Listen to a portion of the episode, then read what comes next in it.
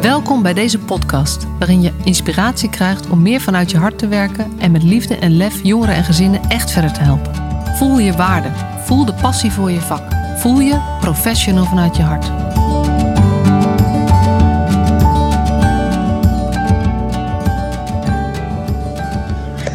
Welkom weer. Wat leuk dat je luistert naar weer een nieuwe aflevering van deze Professional vanuit je hart podcast. En vandaag, deze dagen, zijn de allerlaatste dagen dat je op mij kunt stemmen voor de Positivity Award. De meest positieve onbekende Nederlander, wat mij persoonlijk nog steeds verbaast. Maar um, ja, ik zou zomaar provinciewinnaar kunnen worden. Alleen de verschillen zijn klein. Dus je zou uh, echt enorm helpen als je daar nog je stem op zou willen uitbrengen. Dat kan op www.bidawards.nl slash Struik.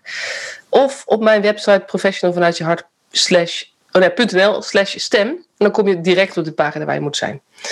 Je zou me er super mee helpen. Als je al gestemd hebt en je vindt dat ik zou moeten winnen, dan doe je me een extra plezier als je tien mensen in je omgeving zo gek krijgt om even op mij te stemmen. Want dan wordt jouw stem ineens elf stemmen waard.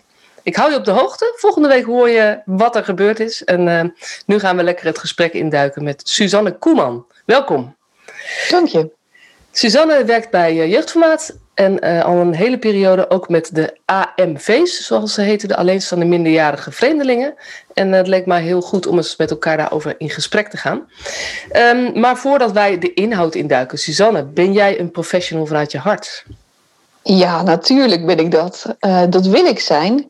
En ik denk ook oprecht dat ik dat ben. Ik vind het wel heel fijn om uh, al mijn gevoel en mijn hart een beetje te laten sturen door wat verstand. Uh, maar ik doe absoluut wat mijn hart me ingeeft. Dat probeer ik zoveel mogelijk te volgen. En heb je dat altijd al gedaan?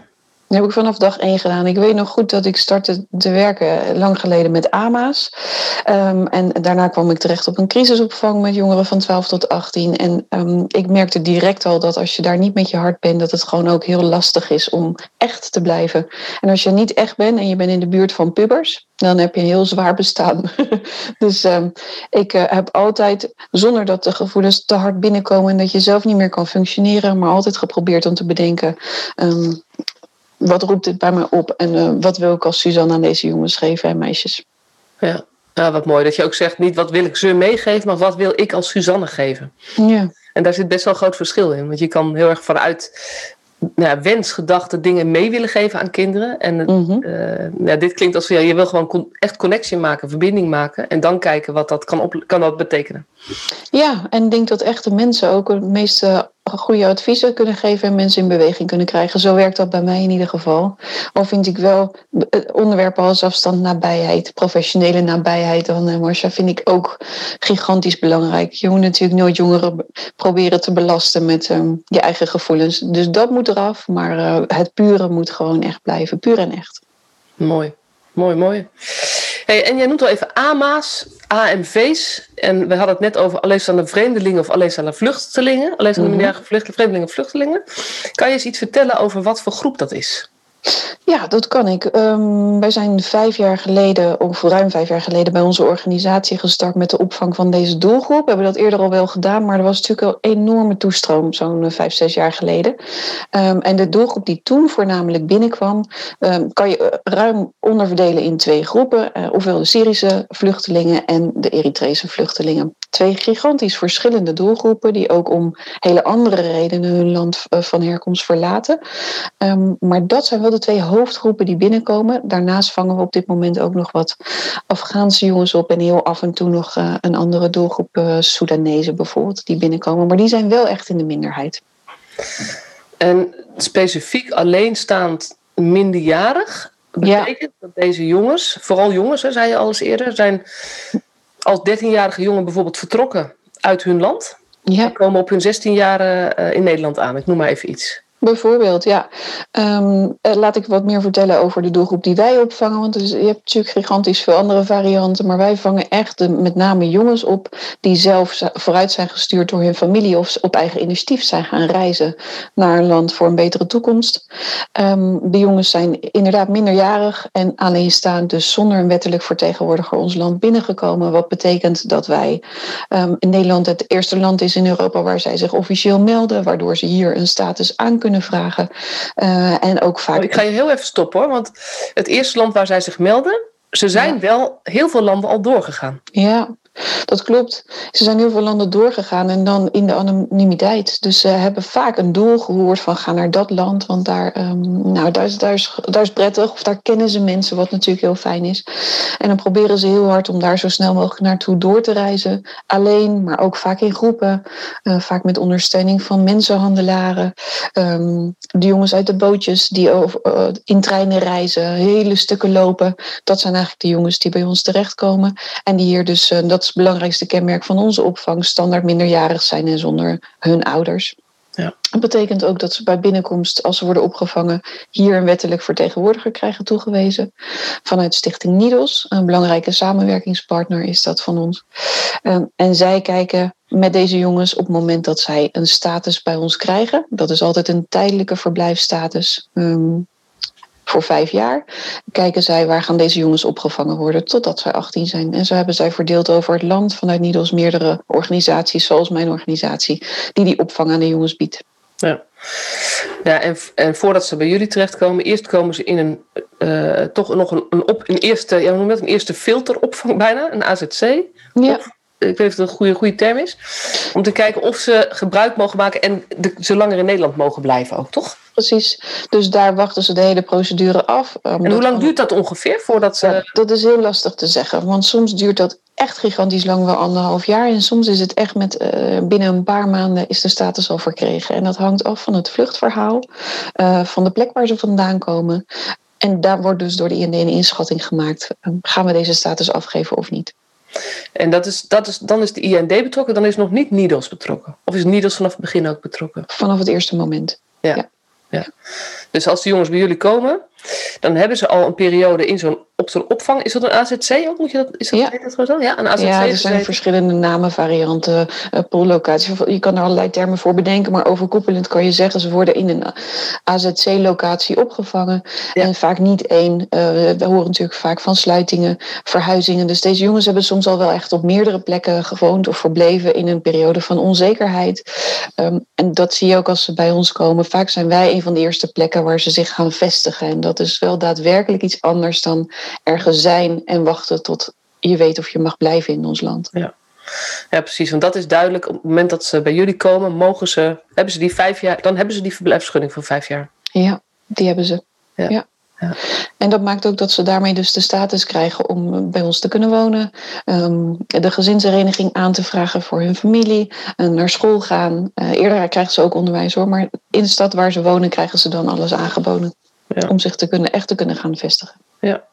Hey, en um, je zei helemaal in het begin, je, werkt, je bent begonnen bij de AMA's. Ja. Dat was de eerste term, zeg maar. Ja. Ja. Dan zijn de minderjarige asielzoekers. Yes. En nu ben je, uh, nou, dan heb je een uitstapje gemaakt naar de gewone residentie. Volgens mij heb je Ja. ook ambulant gewerkt. Ook, ja. En uh, nu weer terug bij, bij deze doelgroep. Wat maakt het, weet je, wat, wat, wat trekt jou zo in deze doelgroep? Wat vind je er zo, uh, waarom kies je daarvoor?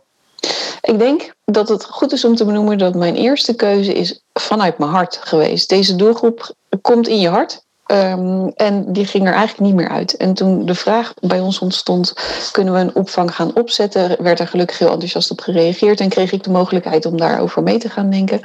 Um, die heb ik met beide handen aangegrepen, want het is een doelgroep die mij ook als professional gigantisch in beweging blijft houden, in ontwikkeling blijft houden. Uh, het team waar ik in werk, we werken met een heel multicultureel team, met uh, mannen en vrouwen, echt een goede balans hebben we in. Dus dat geeft inspiratie. En daarnaast, deze jongens zijn ja, op de een of andere manier roepen ze iets bij mij op. Ze verdienen gewoon het beste wat wij ze kunnen bieden. Want verder is er vrij weinig waar ze op terug kunnen vallen in Nederland, in het grote Nederland.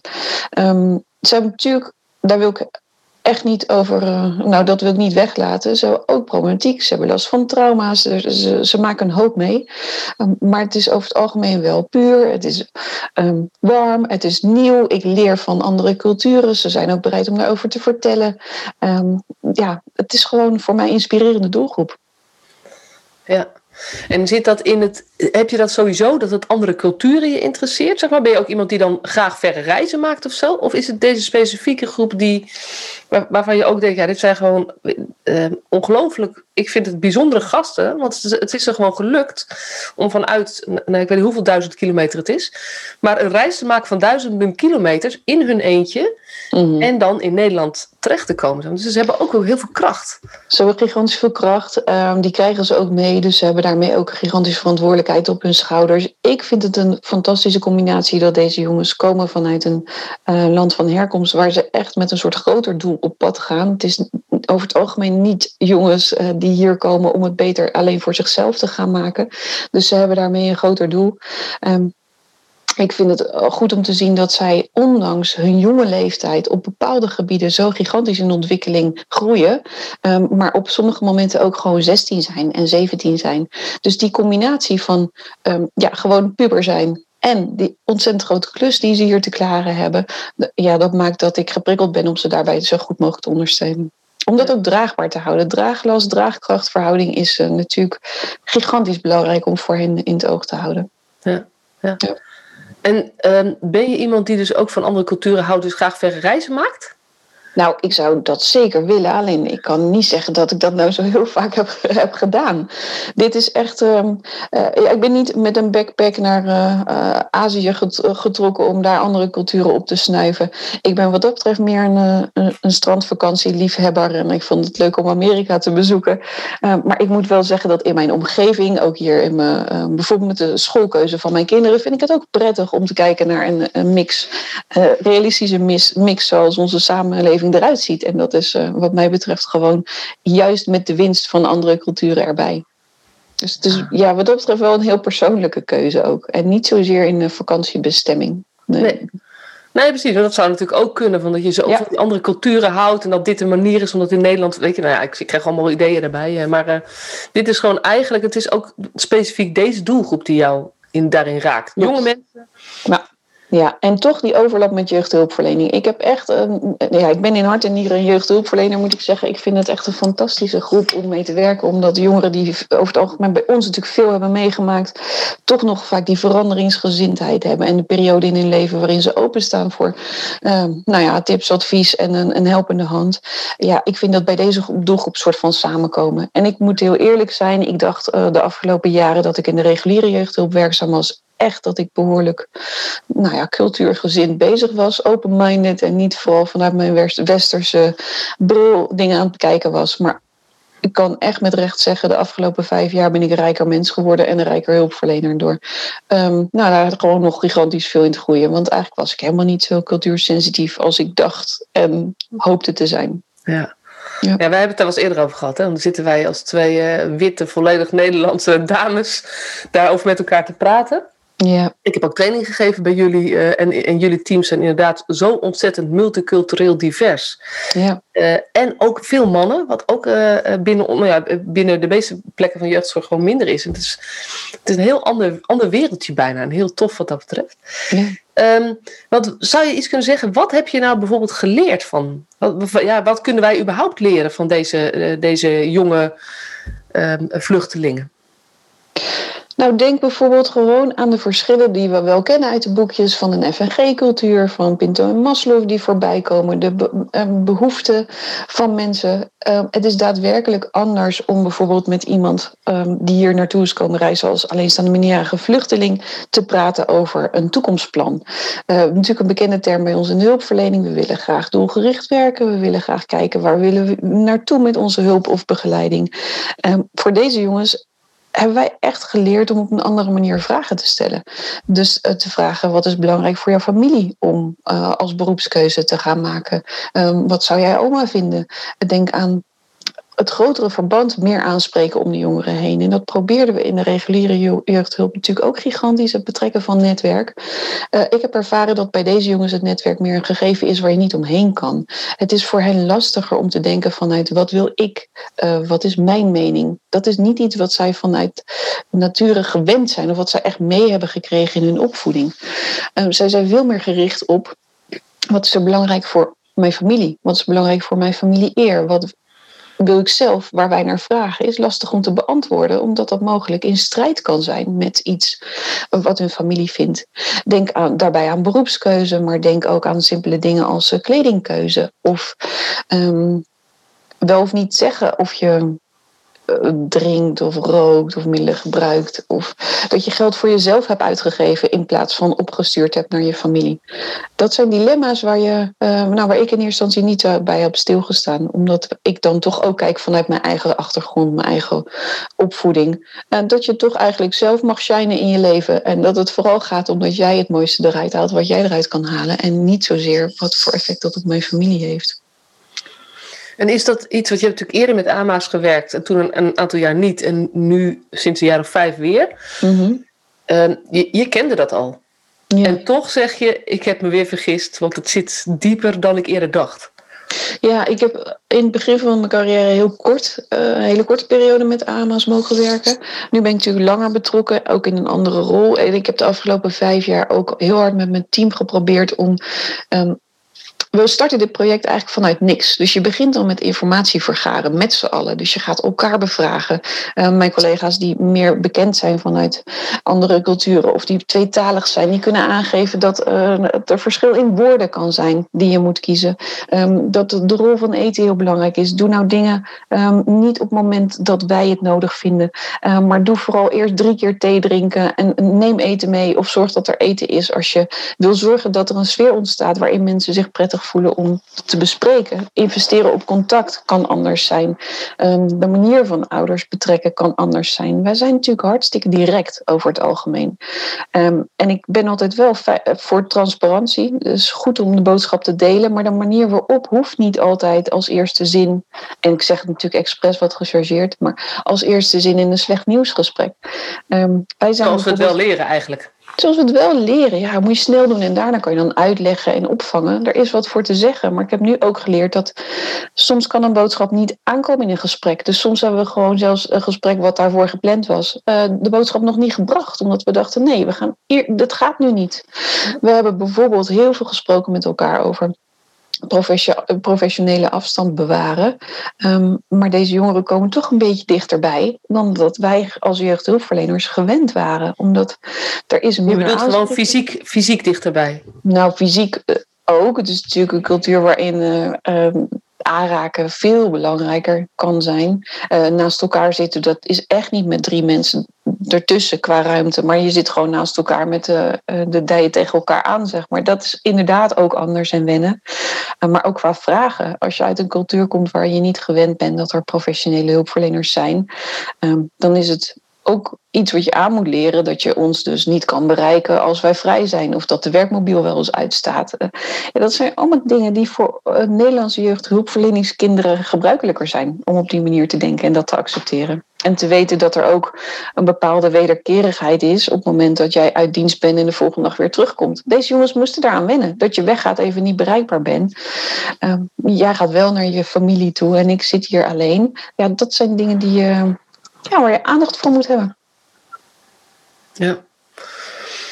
En um, nou, ik moet ook denken aan voorbeelden die wel eens ter sprake zijn gekomen. Ik weet in het begin dat er uh, heel veel toiletbrillen kapot, kapot gingen in de huizen bij de Eritrese jongeren met name. Ja, ik, het is natuurlijk zo leuk om met die voorbeelden. Ik denk dat iedereen die luistert die met deze doelgroep werkt, dat hij denkt, oh ja, dat hebben wij inderdaad in het begin ook gehad. Niet bedacht dat um, jongens op de wc-bril gaan staan om een behoefte te doen. Uh, maar al die wc-brillen waren wel de hele tijd kapot. Ja, voordat je dat, daar dan achter komt, moet toch een paar keer dat gesprek aangaan. Jongens, wat doen jullie nou op die wc? Waarna we dan echt picto's hebben opgehangen hoe je op een wc hoort te zitten.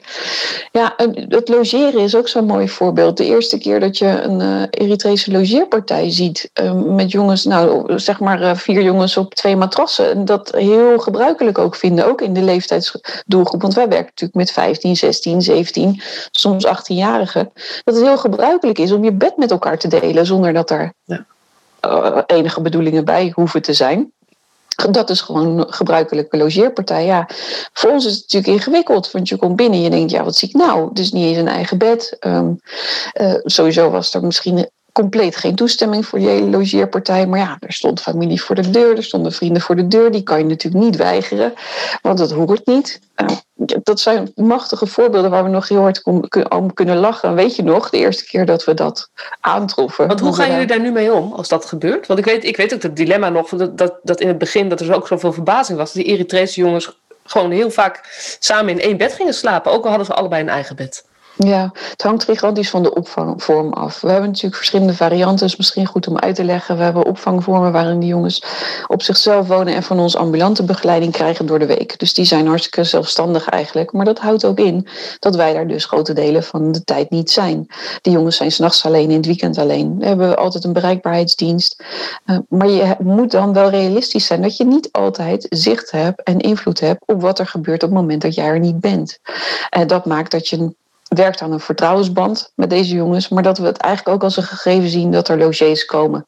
En dat wij heel erg uh, ja, proberen aan te leren, overleg dat, zorg dat wij weten wie het zijn, dat wij van tevoren met de huisgenoten kunnen bespreken of dat oké is. Dus eigenlijk proberen we daar dat weg te halen uit het kom maar binnen, iedereen mag hier slapen, naar van dit is niet het huis waar ik over mag beslissen. Ik wil dat overleggen. We proberen ook. En is dat lastig voor de jongens om dat te snappen, dat jullie daarover gaan? Nee, over het algemeen lukt dat eigenlijk wel. Uh, het is meer lastig om te bedenken op het moment dat er familie s'avonds uit de andere kant van Nederland is gekomen. Of van tevoren dat je van tevoren gaat bedenken, deze mensen kunnen niet meer op tijd naar huis en dat overleggen.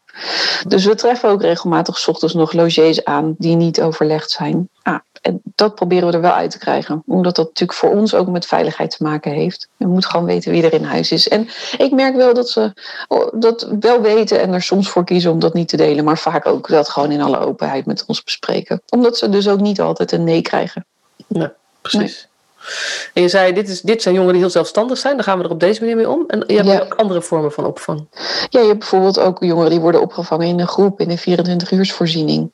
En daar is logeren anders, want daar heb je te maken met een grotere groep in huis. En daar is het niet zo vanzelfsprekend dat dat kan. Dus daar is het vaker iets wat langer voorbereid moet worden. Of eh, nou ja, waar ehm, waar minder makkelijk ja op gezegd kan worden. Want daar wonen ook jongere kinderen die over het algemeen wat meer ondersteuning kunnen gebruiken. En dan is het voor ons vaak niet zo wenselijk om daar de hele week door logies te hebben. Dus dan zit je eerder vast aan, uh, nou ja, uh, één keer op afspraak uh, in bijzondere omstandigheden. Zo grappig, want dan zit ik even te denken aan wat wij een rijkdom mee kunnen nemen uit deze andere culturen. Nou, daar zit echt die gastvrijheid. Weet je, ik snap dat, dat mensen uit andere culturen Nederlanders cool vinden en kil en afstandelijk. Um, en die rijkdom die toch die gastvrijheid met zich meebrengt, die ga je toch kanaliseren hier. Ja. En eigenlijk ze uh, een soort van binnen het Nederlands kader uh, opvangen. Ja, cru hè? Ja. ja, nou ja, ik kan dat wel goed voor mezelf beargumenteren. Wat wij natuurlijk proberen in die periode dat die jongens bij ons wonen, dat is vaak een vrij korte periode, uh, soms maar een half jaar. Uh, daarin willen wij ze ook leren wat de Nederlandse maatschappij van hen verwacht. Mochten wij ze dat niet aanleren, dan gaat dat natuurlijk later voor verrassingen zorgen. Um, wij hebben voorbeelden van jongens die op zichzelf zijn gaan wonen en die weten dat er andere, bijvoorbeeld Eritrese families of Syrische families, um, zoveel visite hebben dat er op een gegeven moment heel veel last of klachten uit de buurt komen omdat er te veel uh, geluid is of dat het huis veel te vol is. Wij vinden het belangrijk om ze in deze periode vooral ook mee te geven hoe er in Nederland gedacht wordt, zodat ze dat eigenlijk dat begrip gaan krijgen, dat ze reacties ook later kunnen plaatsen. Uh, maar we proberen natuurlijk wel alles wat mooi is aan hun eigen cultuur vooral bij hen te laten. We hebben daar ons daar ook over laten voorlichten um, met een training beschermjassen. Nou, dat, dat gaf zoiets moois om eigenlijk besef te hebben dat de meest simpele dingen, uh, voor mij kwam dat zo over, simpele dingen waar je dus niet aan denkt, zoals geuren, smaken, um, bepaalde manier van de woning inrichten of letterlijk kleding die je doet denken aan je familie je sterker kan maken. Dus wat jij zegt, gebruiken die je sterker maken, die mooi zijn. Die, tuurlijk willen we graag dat ze die behouden, maar we willen wel dat ze weten dat de Nederlandse buren ze ook aardig vinden, terwijl ze zich minder gastvrij opstellen dan zij misschien gewend zijn. Omdat het hier veel gebruikelijker is. Als we die kennis niet meegeven, um, dan wordt het ook lastiger om je hier te bewegen. Als, uh, en dat willen ze natuurlijk heel graag. Ze willen gewoon zich gaan bewegen zoals Nederlandse mensen. Ja.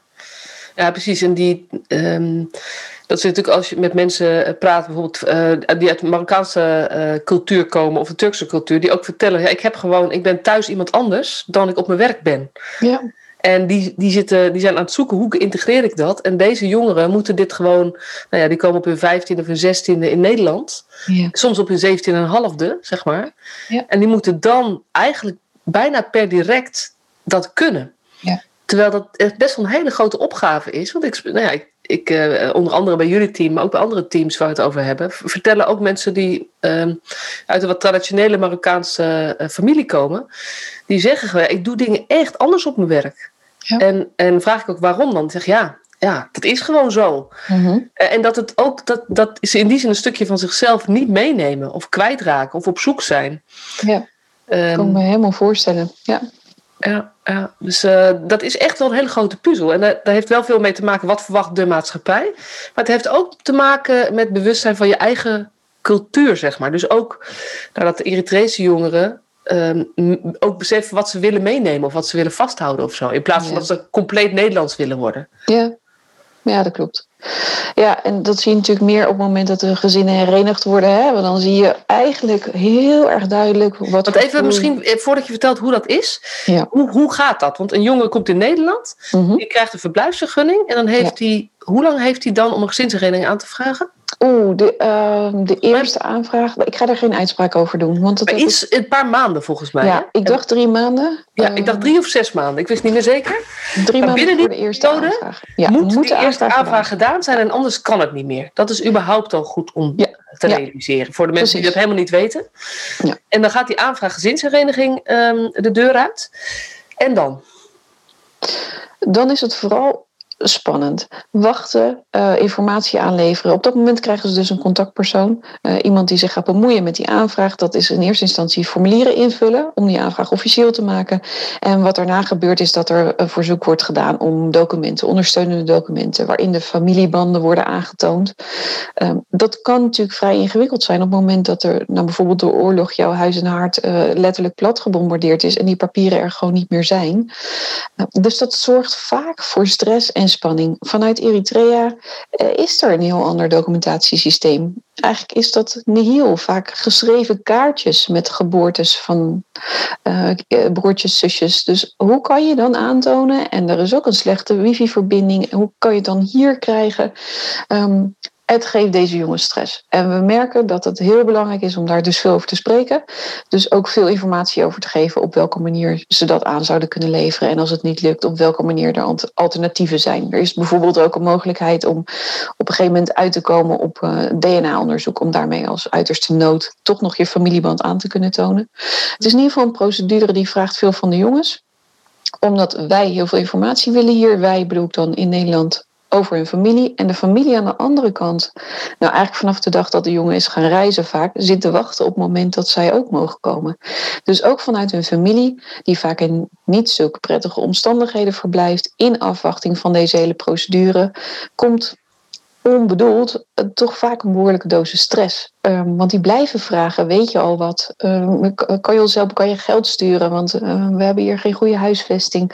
Nou, noem het op. Um, deze procedure kan echt gigantisch lang duren. We hebben procedures gehad van anderhalf, twee jaar. dat ja, is eigenlijk vrij gebruikelijk. En die jongeren blijven dus bij ons wonen, om het even praktisch te maken, in afwachting van die procedure, gaan naar school, hebben vaak een baantje, zijn hier echt aan het aarden als um, nou, Hagenezen of um, wie dan ook hier in de regio.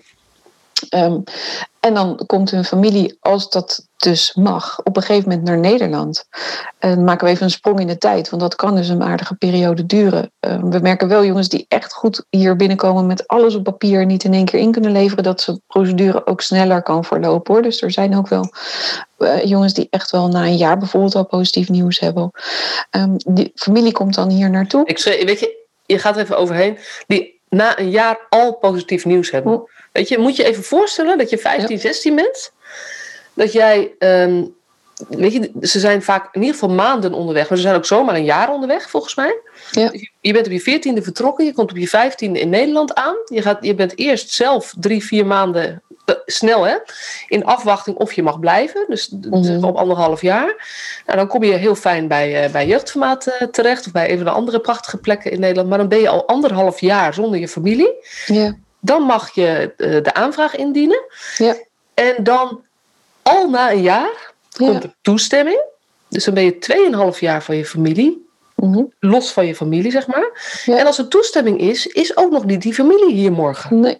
nee. Want dan moet die familie eerst zich gaan melden op een ambassade. Een Nederlandse ambassade. eh, eh, nou, en vanuit Eritrea weet ik, daar is geen Nederlandse ambassade. Dus dan moet je naar Ethiopië toe, volgens mij. Ja. Om je daar te kunnen melden. En dat is een Mhm. hele ingewikkelde en ook gevaarlijke reis voor die familie. Ja. Eh, en ik weet de situatie in Syrië nu niet. Maar weet je, laten we zeggen, daar gaat ook maanden overheen. Dus dan heb je het al over drie jaar. Ja. En dan meldt die familie zich om de ambassade. Ja.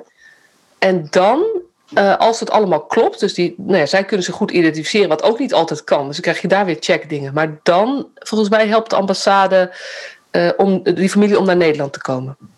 Ja, technisch gezegd, ehm, op het moment dat de familie mag komen, krijgen zij eh, eh, de kans om een, op een ambassade een MVV op te halen, machtiging voorlopig verblijf. Dat moeten zij binnen 30 of 90 dagen na die uitspraak doen. Dus er zit ook tijdsdruk achter. Dus ze moeten binnen drie maanden zich melden Ja. op een ambassade. Ja, en dat is niet, dan moeten ze niet ook die dag het vliegtuig pakken hoor. Maar dat is wel het moment dat ze zich eh, gemeld moeten hebben. Dus dat kan ook druk geven. Ja.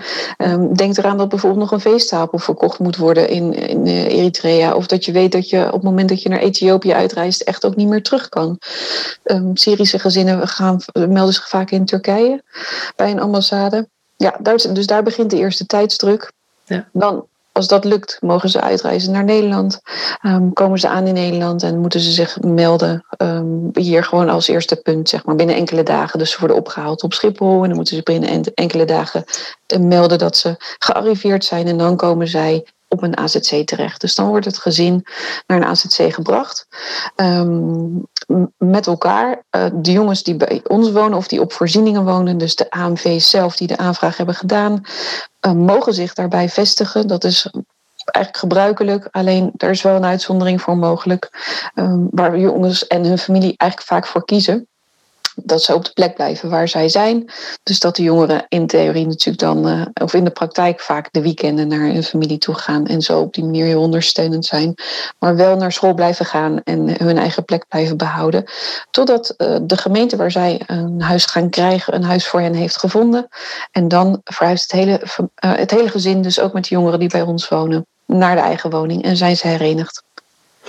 En dat is, zoals ik net eventjes snel zat te rekenen en dit erbij tel, dat is al heel snel 3,5 jaar na vertrek van deze jongeren.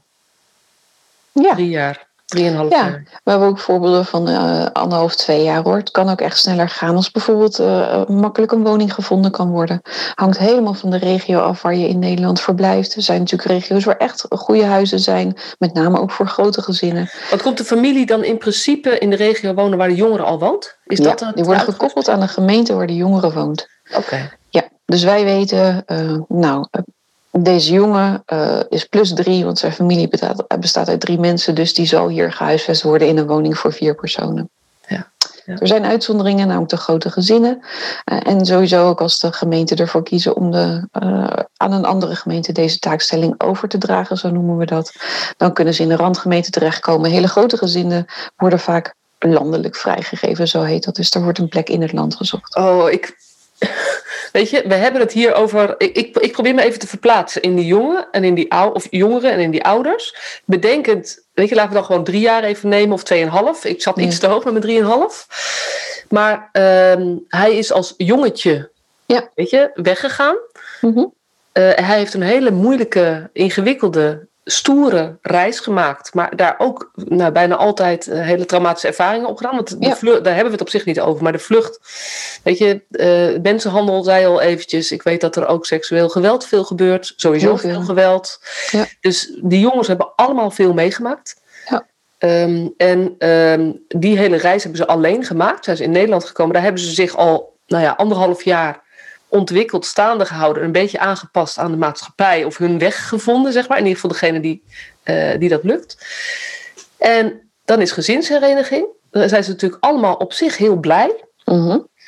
Maar dit is wel een groot contrast met nou ja, de moeder die van het Eritrese platteland komt met haar jongere kinderen. Een vader die niet meer in beeld is, eh, omdat hij bijvoorbeeld nou ja, daar eh, gevangen zit of whatever. Zeg maar. Dat is in Eritrea kan dat zomaar gebeuren. Um, en dan komt nou ja, die ontwikkelde zoon ineens weer daar in huis wonen. Ja. Ja, en daarmee starten we natuurlijk ook eigenlijk dit onderwerp. Dan zie je dus in wat voor korte periode deze jongens zich ontzettend veel eigen maken van de Nederlandse cultuur. Maar we, ouders hebben ook letterlijk gezegd dat ze delen van hun kind niet meer herkennen. Omdat het, uh, ja, die switchen zo makkelijk eigenlijk, wat je zegt, in hoe ze buiten de deur zijn en, en binnenshuis zijn. Omdat voor hen is het al heel gebruikelijk om billboards te zien met. Uh, um, schaars geklede vrouwen in een bikini bijvoorbeeld. Ja, dat, dat kan bij het gezin gewoon nog iets oproepen. Die zijn er nog niet aan blootgesteld. En heb ik het niet over dat ze daar direct iets van vinden hoor, zonder oordeel. Maar gewoon het feit dat al die indrukken die binnenkomen bij het gezin... Uh, voor deze jongens al heel normaal zijn geworden. In, nou, dan is het natuurlijk wel een relatief korte tijd. Um, dat maakt ook dat er op de jongens dan extra weer een groot appel gedaan wordt om en zich te voegen in het gezin. Uh, eigenlijk als je naar zo'n gezinssysteem kijkt, wordt er natuurlijk ook verwacht dat die jongen terugkomt zoals hij is vertrokken. Want dat is ook het beeld wat achter is gebleven. Ze zijn niet meegegaan in elkaars groei. Dus we proberen daar ook altijd aandacht aan te besteden en dat voor te bereiden om uh, als je weer bij elkaar komt, of bij elkaar gaat wonen met name, um, om daar weer een, een, een, weg in te vinden met z'n allen. Want je bent niet meer degene die je was toen je vertrok. En allebei niet. Dat geldt voor het gezin en dat geldt voor de jongen die hier naartoe is gekomen. Dus dat behoeft echt aandacht en geeft ook teleurstelling. Um, ook heel veel trots, moet ik zeggen. Je ziet ook ouders die nou niet kunnen geloven uh, wat hun uh, zoon allemaal voor ze regelt. We zien wel feitelijk dat jongens, het schoolverzuim bijvoorbeeld, loopt echt op op het moment dat de familie hier is. Dus we zien jongens die goed naar school gaan, ja, die gewoon dat afzeggen omdat ze mee moeten naar afspraken voor broertjes, zusjes, ouders. Um, dat zijn praktische dingen die, uh, die we inmiddels weten nadat dat ons project natuurlijk wat langer loopt en waar we echt van tevoren aandacht aan besteden. En ook scholen in meenemen. Dit is een kans dat dat gaat gebeuren. Uh, laten we ervoor waken. Laten we nou ja, dat niet goedkeuren, maar wel proberen te kaderen met z'n allen. En zo zijn er eigenlijk nog meer momenten om er even door te gaan als je dat oké okay vindt. Um, bijvoorbeeld in de overgang van 18 minder 18 plus. Stel dat de familie er nog niet is op het moment dat een jongen 18 jaar wordt, dan krijgt hij vaak eerst een eigen woning, een zelfstandige woning aangeboden. Daarvoor zijn ook allerlei varianten. Je woningen echt voor jongens alleen. Er zijn verschillende deelwoonprojecten. Er zijn gemixte projecten tussen bijvoorbeeld vluchtelingen of statushouders en Nederlandse studenten. Er zijn mooie initiatieven ontstaan. Ehm, maar feit is dat ze dan op zichzelf gaan wonen, vaak voor een korte periode, in afwachting van hun familie. Ehm, dat zijn eigenlijk van die hele kwetsbare momenten waar we ook nu meer op proberen voor te bereiden. Um, en waar we ook veel meer aandacht aan proberen te besteden om die doorgaande lijn, dus ook van begeleiding en zorg, veel meer te bewaken. Dus op het moment dat een gezin er is, is het niet altijd het moment om een gezin los te laten. Het is niet dan slingers uithangen en ga maar lekker samen wonen. Um, vaak willen we dat nog even bewaken. En in sommige gemeenten wordt daar gelukkig de mogelijkheid voor gecreëerd om die begeleiding wat door te zetten of een ambulante vorm van begeleiding aan te bieden. Gewoon om vinger aan de pols te kunnen houden en die, eigenlijk de draaglast die bij de jongeren komt te liggen ook wat weg te nemen. En dat geldt ook op het moment dat ze 18 jaar worden. Um, het is vaak zo'n wonderenwereld uh, waar je heel veel van tevoren over kan spreken, maar het ervaren en echt zelf moeten gaan doen. We zeggen ook wel het intrainen van de vaardigheden, dat kan je eigenlijk pas doen op het moment dat ze in die situatie zijn.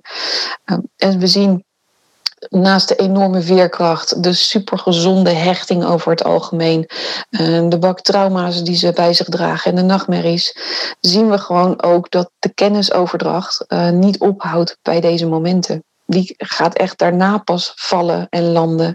En wat heel kenmerkend is voor deze groep, het vertrouwen wat je opbouwt, dat kost gewoon extra tijd. Dat kost echt veel tijd laten zien dat je betrouwbaar bent, uh, dat je doet wat je zegt. Daar zijn we gewoon de eerste periode gigantisch veel mee bezig. En we hebben ervaren ja. dat het lastig is om over te dragen aan nou, andere Misschien wel goed om even um, um, aandacht aan te hebben. Want Um, dat geldt, weet je, in Syrië is een andere situatie natuurlijk vanwege die oorlog. Maar ja. zeker uh, Eritrea is wat dat betreft een heel mooi voorbeeld. Daar is de overheid is niet te vertrouwen.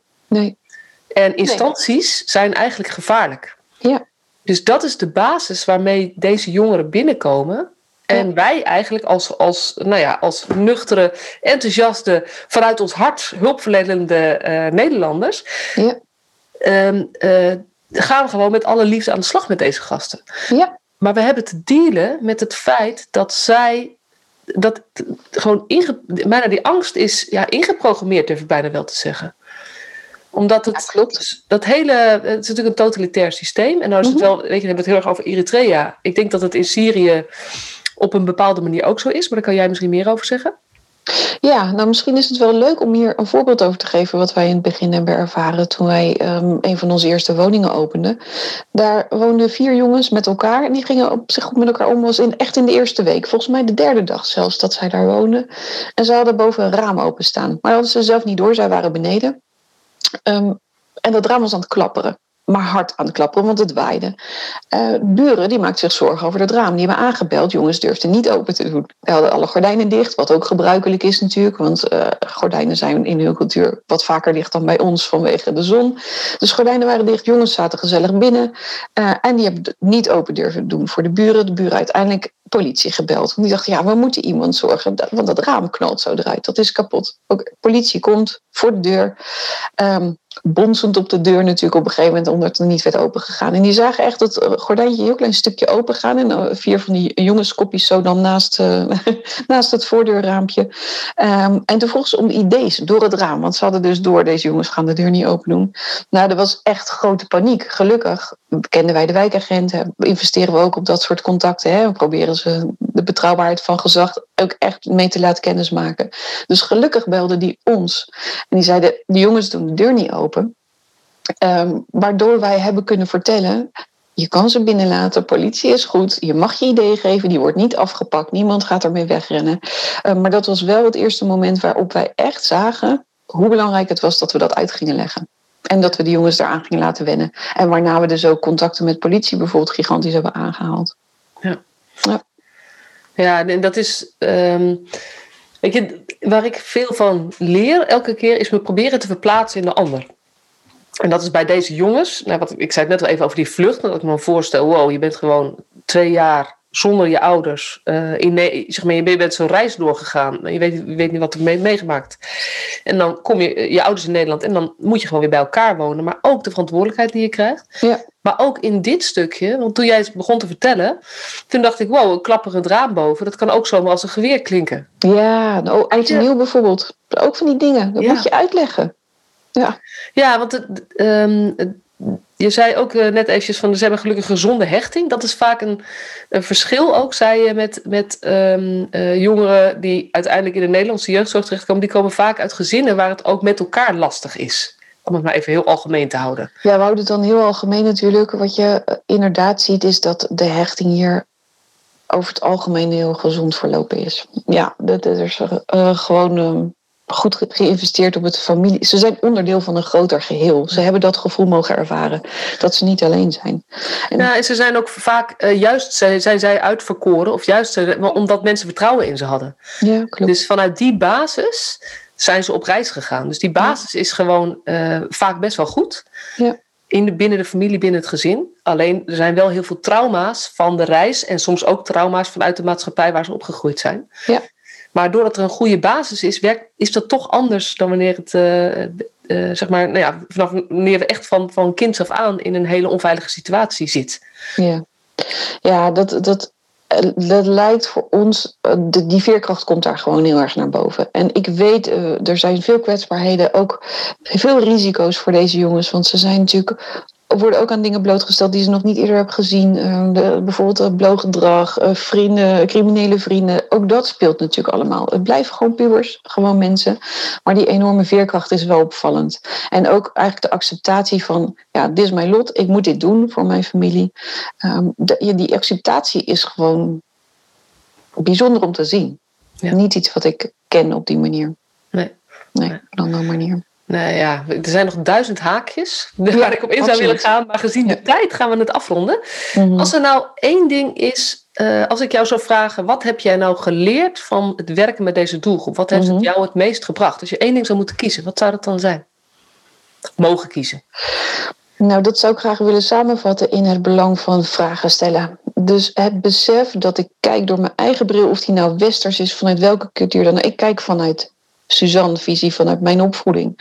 En als ik niet vraag, kom ik er niet achter hoe de ander anders kijkt. En dat is zo gigantisch op de voorgrond gekomen voor mij. Zelfs naar de logische dingen gaan vragen. Uh, en dat neem ik echt mee in met welke doelgroep ik hierna dan ook zal werken. Um, ga er niet vanuit dat ik snap wat, wat er gezegd wordt zonder dat ik heb doorgevraagd. Nou, dat is uh, meteen een heel goed uh, nou ja, advies. Klinkt dan heel slim, maar eigenlijk jouw grootste les. En je denkt dat dat is, geeft zoveel rijkdom. En uh, daarmee, ik vind het ook wel mooi wat je begon met. ik ga als Suzanne het contact aan. En nu zeg je ook weer, ik kijk als Suzanne. Dat is ook wat het mogelijk maakt om gewoon als mens in deze relaties te staan. En ook, mm. ook contacten te maken. Ja. Dankjewel. We zijn er weer en we gaan het lekker afsluiten. Ik vond het leuk. Bedankt voor de uitnodiging. You're welcome.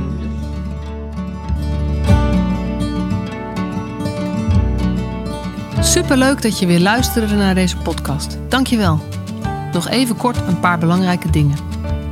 Ten eerste, het is mijn missie dat de jeugdhulp weer een sector wordt waarin bevlogen, liefdevolle professionals jongeren en gezinnen echt verder helpen. Daarom maak ik deze podcast voor jou. Wil jij deel uitmaken van deze beweging van Professional vanuit je hart, waarin professionals elkaar steeds opnieuw inspireren? Begin dan met het lezen van mijn boek. Je kunt de eerste hoofdstukken helemaal gratis lezen. Ga naar professionalvanuitjehart.nl/slash boek.